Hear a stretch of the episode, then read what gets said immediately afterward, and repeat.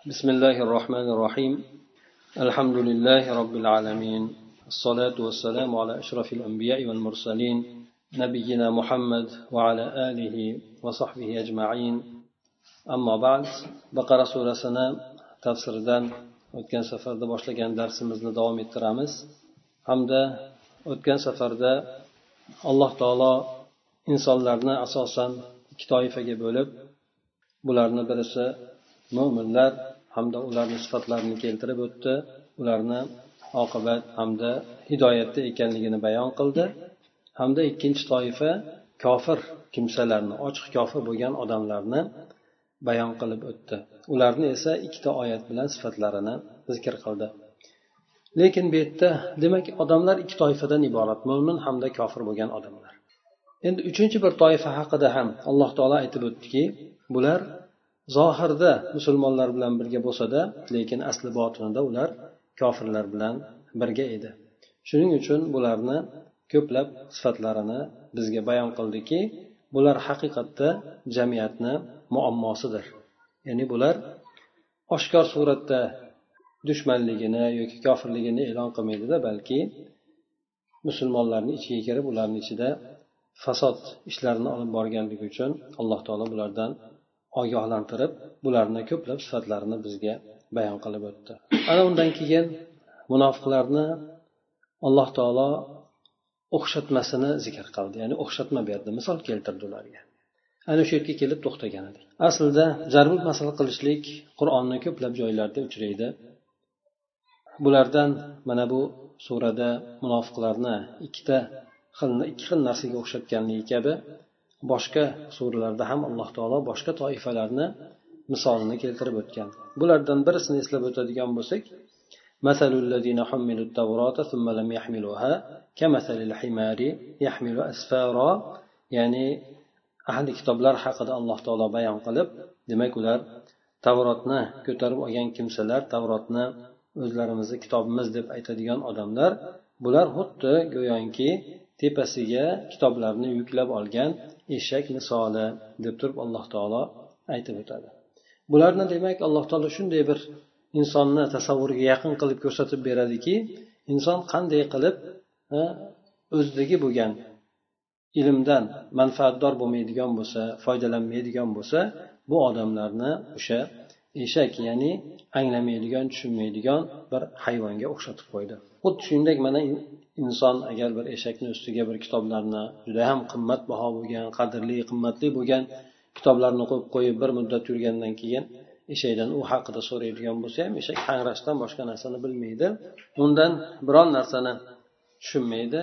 Bularni ham xuddi shuningdek kitoblari bo'lgan taqdirida ham lekin kitobdagi narsalarni yaxshi anglamaganlari undan keyin uni o'zgartirib yana ustiga amal qilmaganliklari sababli alloh taolo bularni mana shunday bo'lgan Э, bir hayvonga o'xshatdi.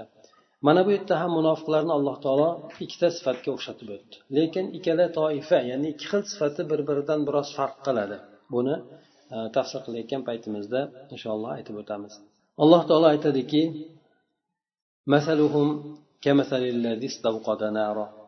ularni misoli ya'ni munofiqlarni misoli xuddi bir olov izlab yurgan odam kabidir.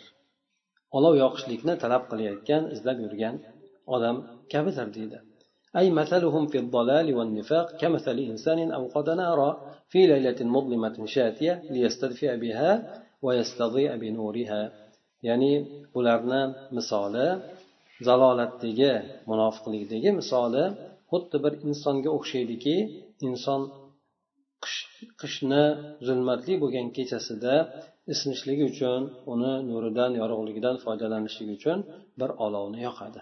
Mana shu odamga o'xshab ketadi dedi.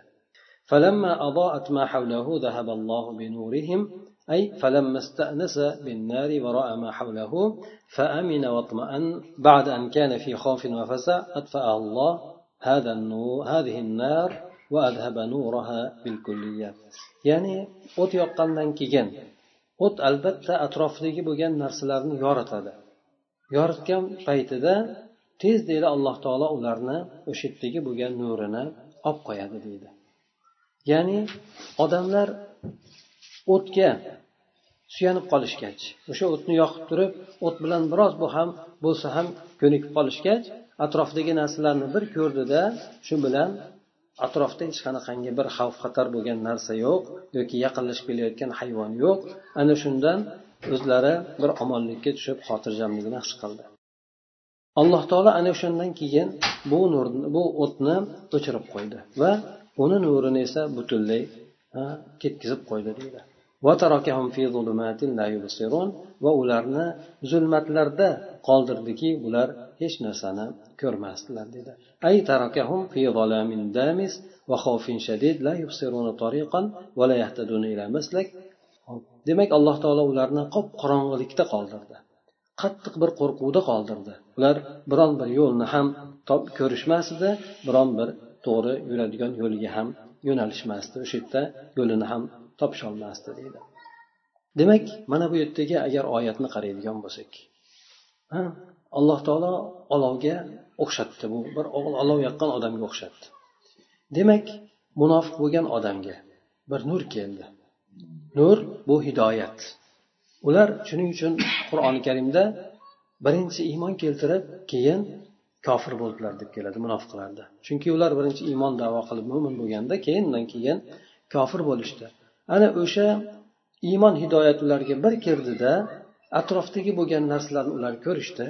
Ya'ni zalolat bo'lgan yo'llarni yoki bo'lmasa hidoyatni ko'rishib bilishdida ana undan keyin biroz bo'lsa ham iymon nuridan bir yoki iymon ta'midan biroz totishdida shu bilan xotirjamlik bo'ldi bularda. Ya'ni atrofdagi bo'lgan narsalarni ko'rgach degan paytida ya'ni islom islomiy muhitni ko'rishib bir xotirjamlik his qilgandan keyin alloh taolo bulardagi bo'lgan o'sha o'tni olovni nurni olib qo'ydi deydi. Ya'ni bular o'zlari hidoyatdan uzoq bo'lib ketayotganligi sababli yoki bo'lmasa ichlaridagi fitna fasod buzg'unchilik shunaqa munofiqlik sababli alloh taolo ulardagi bo'lgan hidoyatni iymonni olib qo'ydi. Bir berib ularga bir ko'rsatib qo'ydida ana undan keyin ular ichlarida munofiqlik bir maraz kasalligi bo'lganligi uchun marazi bo'lganligi uchun alloh taolo ularni hidoyatga noloyiq bildida ulardan hidoyatni olib qo'ydi. Xuddi go'yoki alloh taolo mana bu o'tda misolni keltirgandek o't yonib turib atrofini bir yoritdida shu bilan u o't o'chdi.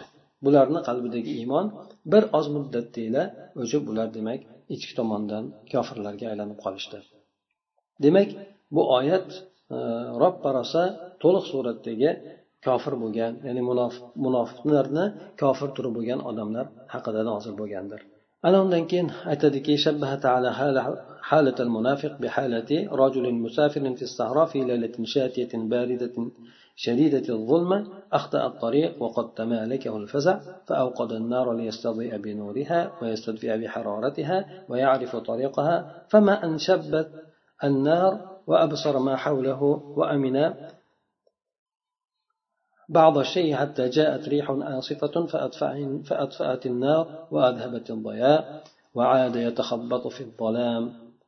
لا يدري ما يصنع ويا له من مثل بديع رائع. aytadiki bu yerda demak alloh taolo munofiq bo'lgan odamni holatini sahroda qishni sovuq bo'lgan qishni judayam qattiq qorong'iligi bo'lgan judayam qop qorong'u bo'lgan shunaqangi bir kechada sahroda musofir bo'lib ketayotgan odamni holatiga o'xshatdi. Demak musofir bo'lib ketayotgan odam albatta yo'lni bilmaydi. Bo'lib ham uni ustiga sovuq qorong'ulik bor bu yerda qish havosi bor. Ana shunday bo'lgan holatdagi bir odamga o'xshatdi deydi demak munofiq dindan shunday uzoqlashib ketdiki bu odamni holati xuddi mana shu zikr qilingan sifatdagi odamni holatiga o'xshab qoldi dindan uzoqlashganiga bu odam yo'lni yo'ldan adashgan edi. Qo'rquv uni egallab olgan edi adashganligi uchun. Ana undan keyin biroz o't yoqdi. Nurdan foydalanishligi uchun uni harorati bilan isinishligi uchun yo'lini topib olishligi uchun olov yoqdi deydi demak u odam bir hidoyatga bir nazar soldi yoki bir hidoyatga bir kirib qoldi. Ana undan keyin o't turmadi ham atrofidagi biroz o't yongan paytda atrofdagi narsalarni ko'rib biroz xotirjamlik bo'ldida ana undan keyin qattiq bir shamol esib uni o'tni o'chirib tashladi va yorug'likni ham ketkazib qo'ydi. Bu odam esa qorong'ilikda tentirab tentiray boshladi. Ya'ni yo'lini topolmasdan tusmollab yura boshladi. Nima qilayotganini o'zi ham bilmasdi. Deb mana shu odamni holatiga alloh taolo bu oyatlarda munofiqni holatini o'xshatdi. Demak bu qandayyam bir ajoyib judayam bir go'zal misoldir bu munofiqqa deydi. Demak bu munofiqni qalbida biroz nur yorishdida keyin lekin butunlay qorong'ulik bo'lib ketdiki bu qaytib bu qalbda hech qanday bir nurni shu'lasi ham ko'rinmaydigan bo'lib qoldi. Ana undan keyin alloh taolo aytdiki ya'ni bular go'yoki kar edilar. Kar bo'ldilar. Soqov bo'ldilar. Ko'r bo'ldilar. Bular endi bu holatlaridan ortga qaytolmaydilar. Ya'ni o'sha karlik ko'rlik e, soqovlik holati. Ya'ni bular ay hum kassum alla yasmauna man yaduhum lil khayr kal khurs la yatakallamuna bima yanfa wa kal ami la yubsirun ma hawla.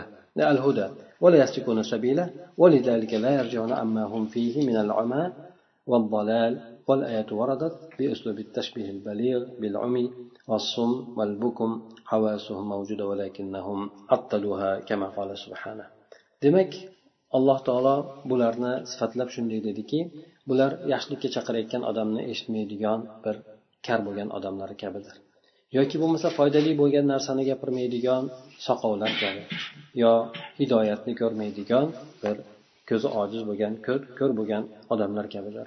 Bular yo'llarini ham topib yurolmaydilar deydi. Bularni alloh taolo shunday sifatladiki garchi jamiyatni ichida yurgan bo'lsa ham musulmonlarni ichida yurgan bo'lsa ham bular o'sha jamiyatdagi bo'lgan holatlardan benasib qolgan edi. Bular na yaxshilikka chaqirayotgan hidoyatga chaqirayotgan kishilardan sahobalar bo'lsin payg'ambar alayhissalom bo'lsin bularni eshitmasdilar quloq solmasdilar bularga. Hamda foydali bo'ladigan narsalarni gapirmasdilar balki turgan bitganlari bularni musulmonlarni ichida fitna qo'zishlik bularni ayblashlik fasod qilishlik oralarida buzg'unchilik qilishlik mana shu narsalar bo'lgandi. Bular xuddi ko'zi ko'r bo'lgan odamlar kabi ediki hidoyatni ham ko'rmasdi. Shuningdek qancha qancha odamlar hidoyatda yurgan bo'lsa garchi bular o'zlari ham o'sha amallarni qilayotgan taqdirda ham chunki munofiqlar masjidga kelib o'sha masjidda birgalikda namoz o'qishar edi musulmonlar bilan birgalikda hattoki jihodlarga chiqib ishtirok etishar edi. Shunday o'sha yerda yurgan taqdirida ham bular o'sha hidoyatlarni ko'rishmas edi. Uni yo'lidan haqiqiy bir suratda yurishmasdi. Ana shunday narsa ularga o'rnashib qolgandan keyin bular endi o'zlari bo'lib turgan holatidan qaytolmaydilar. Chunki oyat e, bu yerda ularni hissiyotlari boru deb keltirib o'tyapti. Ya'ni juda ham bir yetuk bir tashbeh bir uslubida keltirib o'tdiki buni ko'r odamga kar bo'lgan odamga soqov bo'lgan odamga o'xshatib bularni hissiyot э, organlari ya'ni sezgi organlari mavjudu lekin ularni butkul suratda ular ishsiz qoldirgandi. Ya'ni э, quloqlari bor lekin qulog'i bo'lgani bilan ular quloq e, jihozi bor lekin eshitishlik jihozi bor lekin bu narsani ishlatishmaydi. To'g'ri yo'llarda ishlatishmaydi. Ko'rishlik jihozi bor lekin bu narsani ham to'g'ri narsani ko'rishlikda ishlatishmaydi. Gapirishlik uslublari ham bularda bor tillari bor lekin bu narsalarni ham to'g'ri suratda ishlatishmaydi. Shuning uchun alloh taolo bularni bu hissiyot organlari sezgi organlari go'yoki yo'q bo'lgan odamdek tasvirlab berdi. Ana insonda demak ilm kiradigan manbasi yoki iymon qabul qiladigan manbasi asosan uchta tomondan bo'ladi. Birinchisi quloq eshitishlik orqali bo'ladi. Ikkinchisi ko'rib ko'rishlik orqali bo'ladi. Uchinchisi esa talab ilm orqali bo'ladi. Mana shu uchala hissiyot ularda bekor qoldirishganda bu narsalardan ular demak foydalanmaydi. Endi qanday qilib bular zalolatdan keyin yana haqqa qaytsinlar? Bu narsani imkoniyati yo'qdir. Mana alloh subhanava taolo boshqa surada aytganki lahum qulubun la yafqahuna biha va lahum a'yunun la yubsiruna biha va lahum adanun la yasma'una biha ulaika kal an'am bal hum adall. Ularni go'yoki e, ularni qalblari bormiki bular bu qalblari bilan e, bir narsani tushunmaydilar. Demak ularni qalblari yo'q suratda. Shuning uchun u qalblari bilan aql qilib bir narsalarni tushunmaydilar. Ularni haqni ko'radigan bir ko'zlari e, ko'rmaydigan ko'zlari bordir. Ya'ni ko'zlari borku lekin u bilan ular haqni ko'rmaydilar. Shuningdek quloqlari borku lekin quloqlari bilan haqni eshitmaydilar. Go'yoki bular bu holatida chorva hayvonlari kabilar ya'ni hayvonlar kabidir. Chunki bular hayvonlar ayni mana shu narsalarni ko'radi lekin u narsa bilan ta'sirlanmaydi eshitadi u narsa bilan ta'sirlanmaydi. Hayvonlarda ham xuddi shular kabidir deb aytdi balki bular hayvonlardan ham ko'ra gumrohroqdir. Ya'ni anom deganda bu yerda chorva hayvonlarini aytib o'tadi. Chorva hayvonlari foydali narsalar. Shuning uchun alloh taolo bularga o'xshatib turib balki bulardan ham ko'ra battarroq dedi. endi ikkinchi masalga qaytadigan bo'lsak. Endi ikkinchi misoli alloh taolo o'xshatgan misoli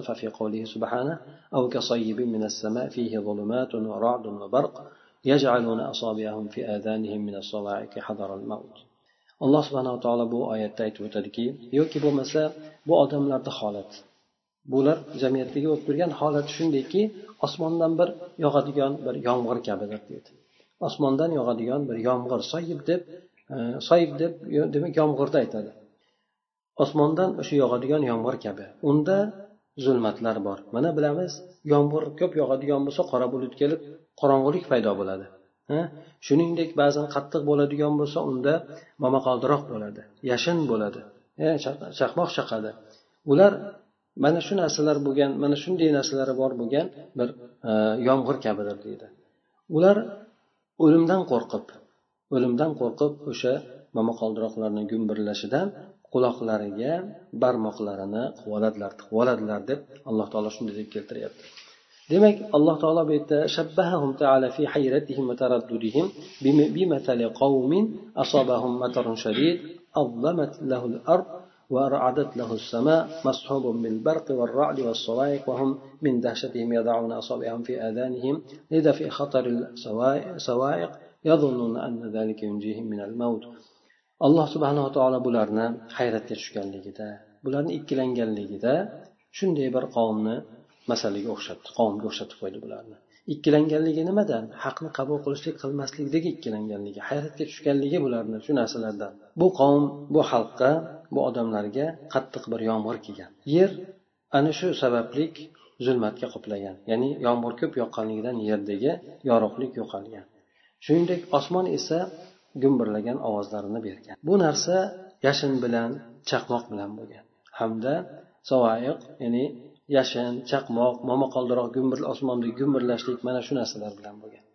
Bular esa o'sha yerdagi tushgan dahshatlardan quloqlariga barmoqlarini qilardilar bu bilan o'sha qattiq eshitilayotgan momaqaldiroqni gumburlash ovozlarini xatarini daf qilishlik uchun. Bunday o'ylaydilarki bu narsa ularni o'limdan qutqarib qoladi o'limdan saqlab qoladi deb o'ylashadilar deydi. Mana bu aytganda agar e, misolga alloh taolo keltirgan misolga agar bir oz e, tafakkur qilib ko'radigan bo'lsak go'yoki bu yerda e, ikkinchi toifa munofiqlar haqida gapirib o'tilyapti. Birinchi toifa haqidagilar aytib o'tildiki bular to'liq suratda hech qanaqangi shak shubhasiz kofirligi bo'lgan buzuqchiligi bo'lgan shunday bo'lgan odamlar. Ikkinchi toifadagi odamlar lekin bular ham munofiqlarni bir turi lekin ular darajasidagi emas balki ilmiliq holatga tushib qolgan. Ba'zan qarasangiz yaxshi bo'lib qoladigan ba'zan yomon bo'lib qoladigan bir toifa haqida gapirib o'tyapti bu yerda. Oldingilar esa bir xil suratda ketadigan rasvo toifa haqida edi. Bunisi o'shalarga yaqin bo'lgan o'sha munofiqligi bo'lgan lekin har qalay tuzatsa bo'ladigan isloh qilsa bo'ladigan suratdagi ba'zi odamlar haqida gapirib o'tilyapti ba'zi mufassirlar aytgan ekan. Osmondagi yomg'ir nima edi? Osmondagi yomg'irni bu yerda ba'zilar misol keltirib o'tgan bu din edi islom dini deydi. Albatta islom dinida o'ziga yarasha takliflar bor. O'ziga yarasha talablar bor. Bu narsani hamma ham yoqtiravermaydi. Shuning uchun bunda e, zulmat bor deb keltirayotgan qorong'uliklar bor. Masalan aytaylik zakot berishligi bor insonni yoki bo'lmasa ro'za tutishligi bor. Boshqa aytaylik kurashga chiqishligi boshqa ko'plab insondan talab qiladigan amallar bor. Mana shu narsalarni bular eshitishlikni xohlamaydi. Bular eshitishni xohlamaydi. Xuddi go'yoki momaqaldiroq gumburlagan paytida dahshatidan odam qulog'ini barmog'ini qulog'iga tiqadi o'limdan qo'rqqan holatda. Lekin bular ham xuddi shuningdek islom haqida aytiladigan bo'lsa oxirat haqida aytiladigan bo'lsa o'lim haqida aytiladigan bo'lsa bu narsalarni eshitishlikni umuman xohlamaydilar. Shuning uchun quloqlariga qo'lni tiqadi degani bu narsalardan yuzlarini o'giradilar hamda u narsaga e'tibor bermaydilar degan mazmunda aytib o'tgan. Vallohu muhaytun bil kafirin. Alloh taolo kofirlarni ihota qilib turuvchidir. Ya'ni alloh taolo nafaqat kofirlarni balki butun insonlarni hammasini ihota qilib turadi. Shuningdek hammasi alloh taoloni qo'lida. Insonni qo'lini masalan aytaylik gumburlashligida masalan o'lim haqida eshitmayman deb qulog'imga qo'lini tiqishligi uni o'limdan qutqarib qolmaydi. Yoki oxirat haqida eslatilgan paytda qo'rqib ketganligidan eshitmayman deyishligi uni o'limdan qutqarib qolmaydi. Mana shuning uchun bu yerda hammasi o'zi aslida alloh taoloni qo'lidadir alloh taolo xohlagan paytida bularga o'limini beraveradi. O'lim ham o'zi aslida tasodifan keladigan insonni kutmagan vaqtida keladigan narsadir. Shuning uchun mo'minlar bu narsani eslab e, eshitib o'limga o'zi tayyorgarligini ko'radigan bo'lsa munofiq bo'lgan kimsalar esa bular ham mo'minlarni orasida yurganligi uchun o'lim haqida ularga ko'p eslatilganda bular ham o'sha yerda bo'lganligi uchun oxirat haqida ko'p eslatilganda bular ham o'sha yerda bo'lganligi uchun bular o'sha narsalarni iloji boricha eshitmaslikka harakat qiladi.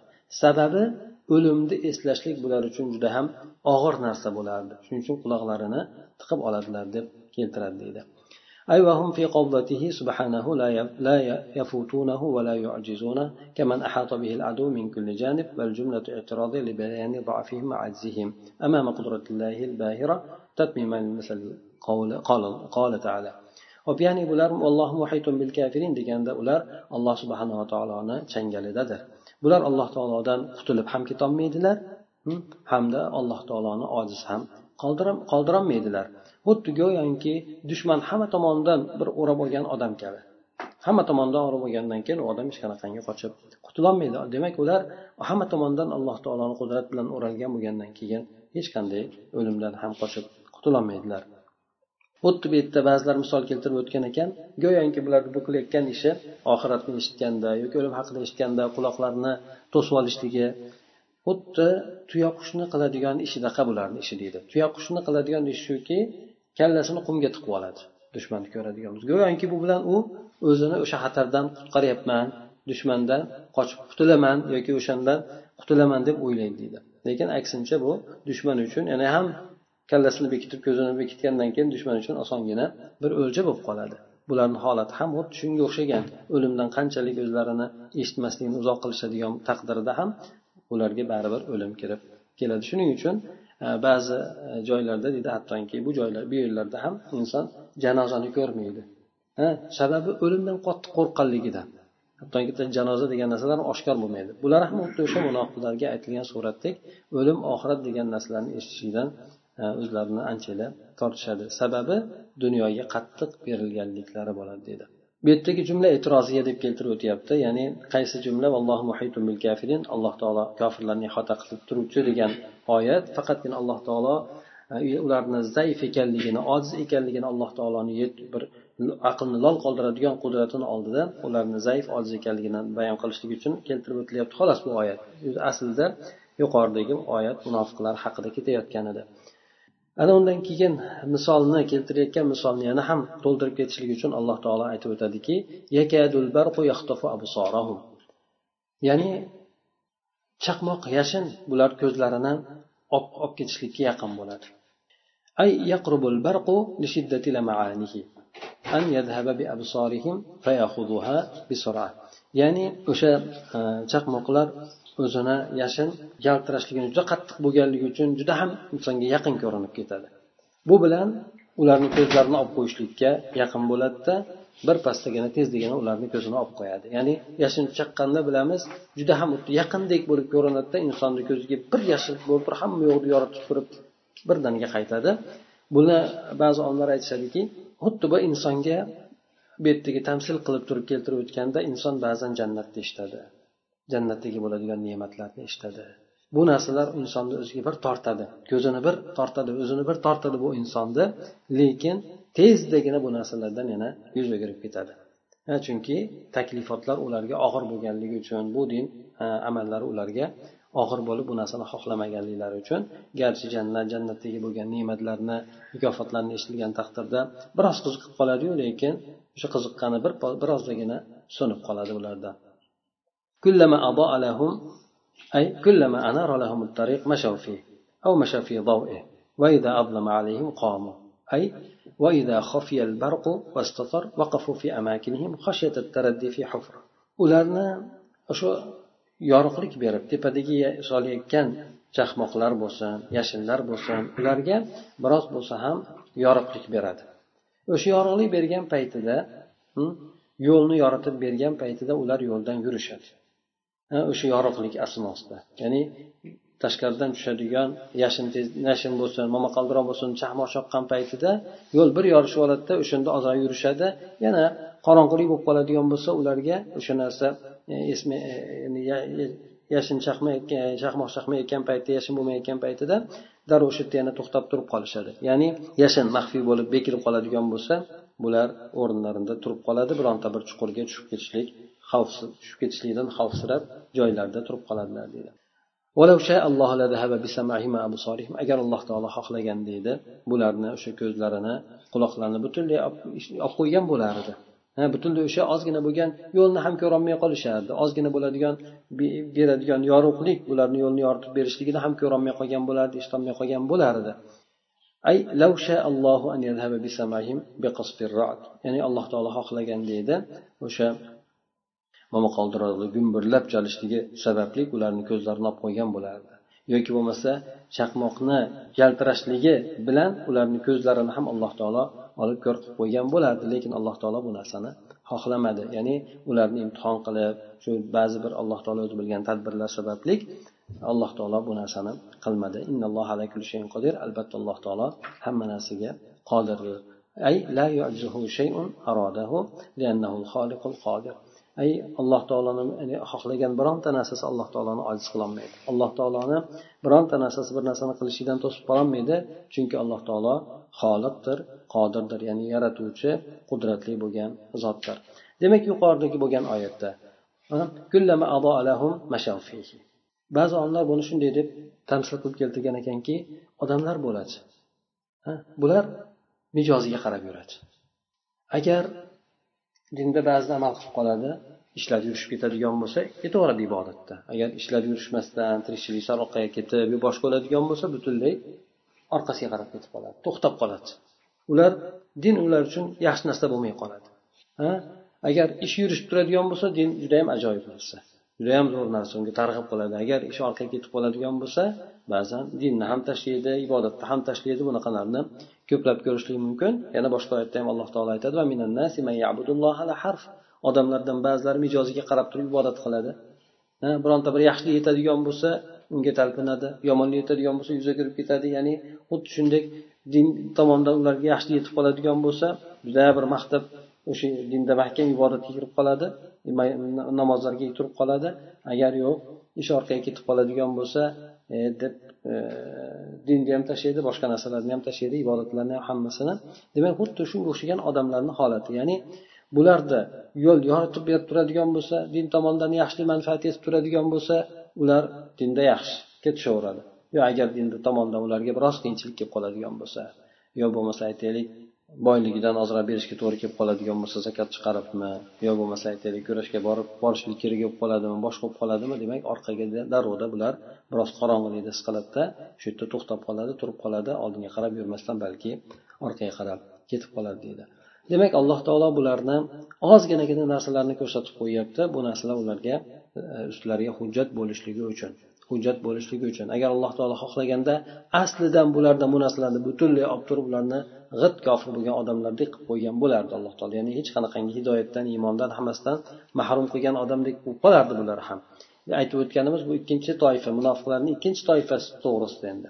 Ha ya'ni har qalay mo'minlarni ichida yuradi amallarni ham qilishaveradi kerak bo'lsa kurashga ham urushga ham chiqishaveradi masjidlarga ham kelaveradi ba'zida tuzuk bo'lib qoladi ba'zida orqaga qarab ketib qoladi. Mana shunaqa bo'lgan munofiqlar to'g'risida. Ya'ni agar birov sal bir yaxshiroq bir shug'ullanadigan bo'lsa ehtimol ularni qaytib qolishligi ham bo'lardi. Shuning uchun e, payg'ambar sallallohu alayhi vasallam bunday munofiqlarga e, o'zlarini davrlarida nima qilmaganligi ya'ni bularni o'ldirib yoki bo'lmasa bularga qattiq tegmaganligi. Lekin faqatgina bularni e, huzayfat ibn yamon roziyallohu anhuga kim ekanliklarini aytib beradi birma bir sanab beradi.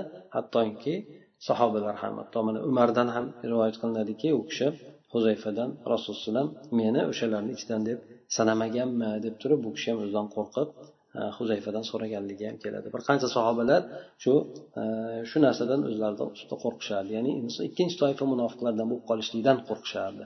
Ya'ni ishlar yurishsa bir yaxshi bo'lib qolib yana keyin sekin orqaga qaytib ketib qolamanmikin payg'ambar alayhisalom meni o'shalardan zikr qilganmikin deb bular xavf xatarda bo'lishardi. Demak alloh taolo yuqorida ikkita e, ikki xil munofiqlar toifasini e, sifatlab o'tdi.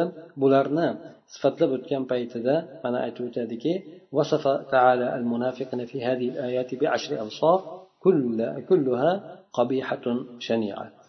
alloh taolo mana bu oyatlarda yuqorida kelgan oyatlarda munofiqlarni o'nta sifatlar bilan sifatlab o'tdi. O'nta sifatlar bularni hammasi juda ham xunuk juda ham jirkanchli bo'lgan sifatlardir bular bu sifatlarni hammasi ularda ularni judayam munofiqlikka judayam zalolatga botib ketgan ekanligini ko'rsatadi. O'sha sifatlar mana birinchisi yolg'onchilik ha? Qur'onda keltirib o'tdi. Deb. Ya'ni o'shalar yolg'on gapirganliklari sababli dedi. Keyin deb bularda aldashlik sifati borligi. Makr qilishlik hiyla qilishlik sifati borligi safah deb turib ala deb alloh taolo ular nodonlar aqlsiz bo'lgan odamlar dedi. Bu sifat ham ularda borligi istehzo degani birovlarni kamsitishlik birovlarni nazar pisand qilmaslik. Ifsod buzg'unchilik qilishlik. Ha shunday qilib bular biz isloh qilyapmiz deb turib g'irt ichkarida buzg'unchilik qilishardi. Hamda johillik nodonlik borligi bularda. Zalolat juda ham qattiq ekanligi tazabzub degani yoqqa bu yoqqa tashlashligi bir mo'minlar bilan yaxshi bo'lib qoladi bir aytaylik ular bilan ularga teskari olib dushmanlar tomoniga qarab ketib qoladi. Ya'ni aytishdiku mo'minlarni oldiga boradigan bo'lsa biz ham sizlarga o'xshagan iymonlimiz mo'minmiz deydi. Lekin o'zlarini boshliqlarni oldiga boradigan bo'lsa shaytonlarni oldiga boradigan bo'lsa biz sizlar bilan birgamiz deb ya'ni musulmonlarga qarshimiz deb aytishadi deydi. Va mo'minlarni masxara qilishlik bor bularda mana shu demak sifatlarni hammasini alloh taolo shu yerda zikr qilib o'tdiki bu narsa munofiqlardagi ko'zga tashlangan sifatlar edi كل واحدة منها تكفي للخزي والإهانة فكيف بها مجتمعتان bularni har biri bu sifatlarni har biri o'zi xorlik uchun sharmandalik uchun yetarli bo'lardi endi qanday bo'ladi agar bu narsalarni hammasi bir odamda yoki bir shu munofiqlarda jamlangan holatda bo'ladigan bo'lsa Bu sifatlarni o'zida jam hammasini jamlagan bo'lsa qanday bo'ladi bitta sifat o'zi insonni xor bo'lishligi uchun sharmanda bo'lishligi uchun kifoya qilardi deb aytib o'tadi. Demak yuqoridagi bo'lgan e, oyatlarda alloh taolo munofiqlar to'g'risidagi oyatlarni ko'plab keltirishligini sababi aytib o'tganimizdek bu musulmonlar jamiyatini haqiqiy suratdagi muammosidir bular. Chunki ichki dushman tashqi dushmandan ko'ra xatarliroq bo'ladi. Bo'lib ham bu dushman o'zini bildirmasa balki tashqi tomondan o'zini yaxshilik yaxshilik ko'rsatib ichki tomondan fasodini qiladigan bo'lsa zimdan zimdan o'sha yomonligini qiladigan bo'lsa haqiqatdan bulardan qutulishlik bulardan ehtiyotni olishlik ancha e, qiyin bo'ladi.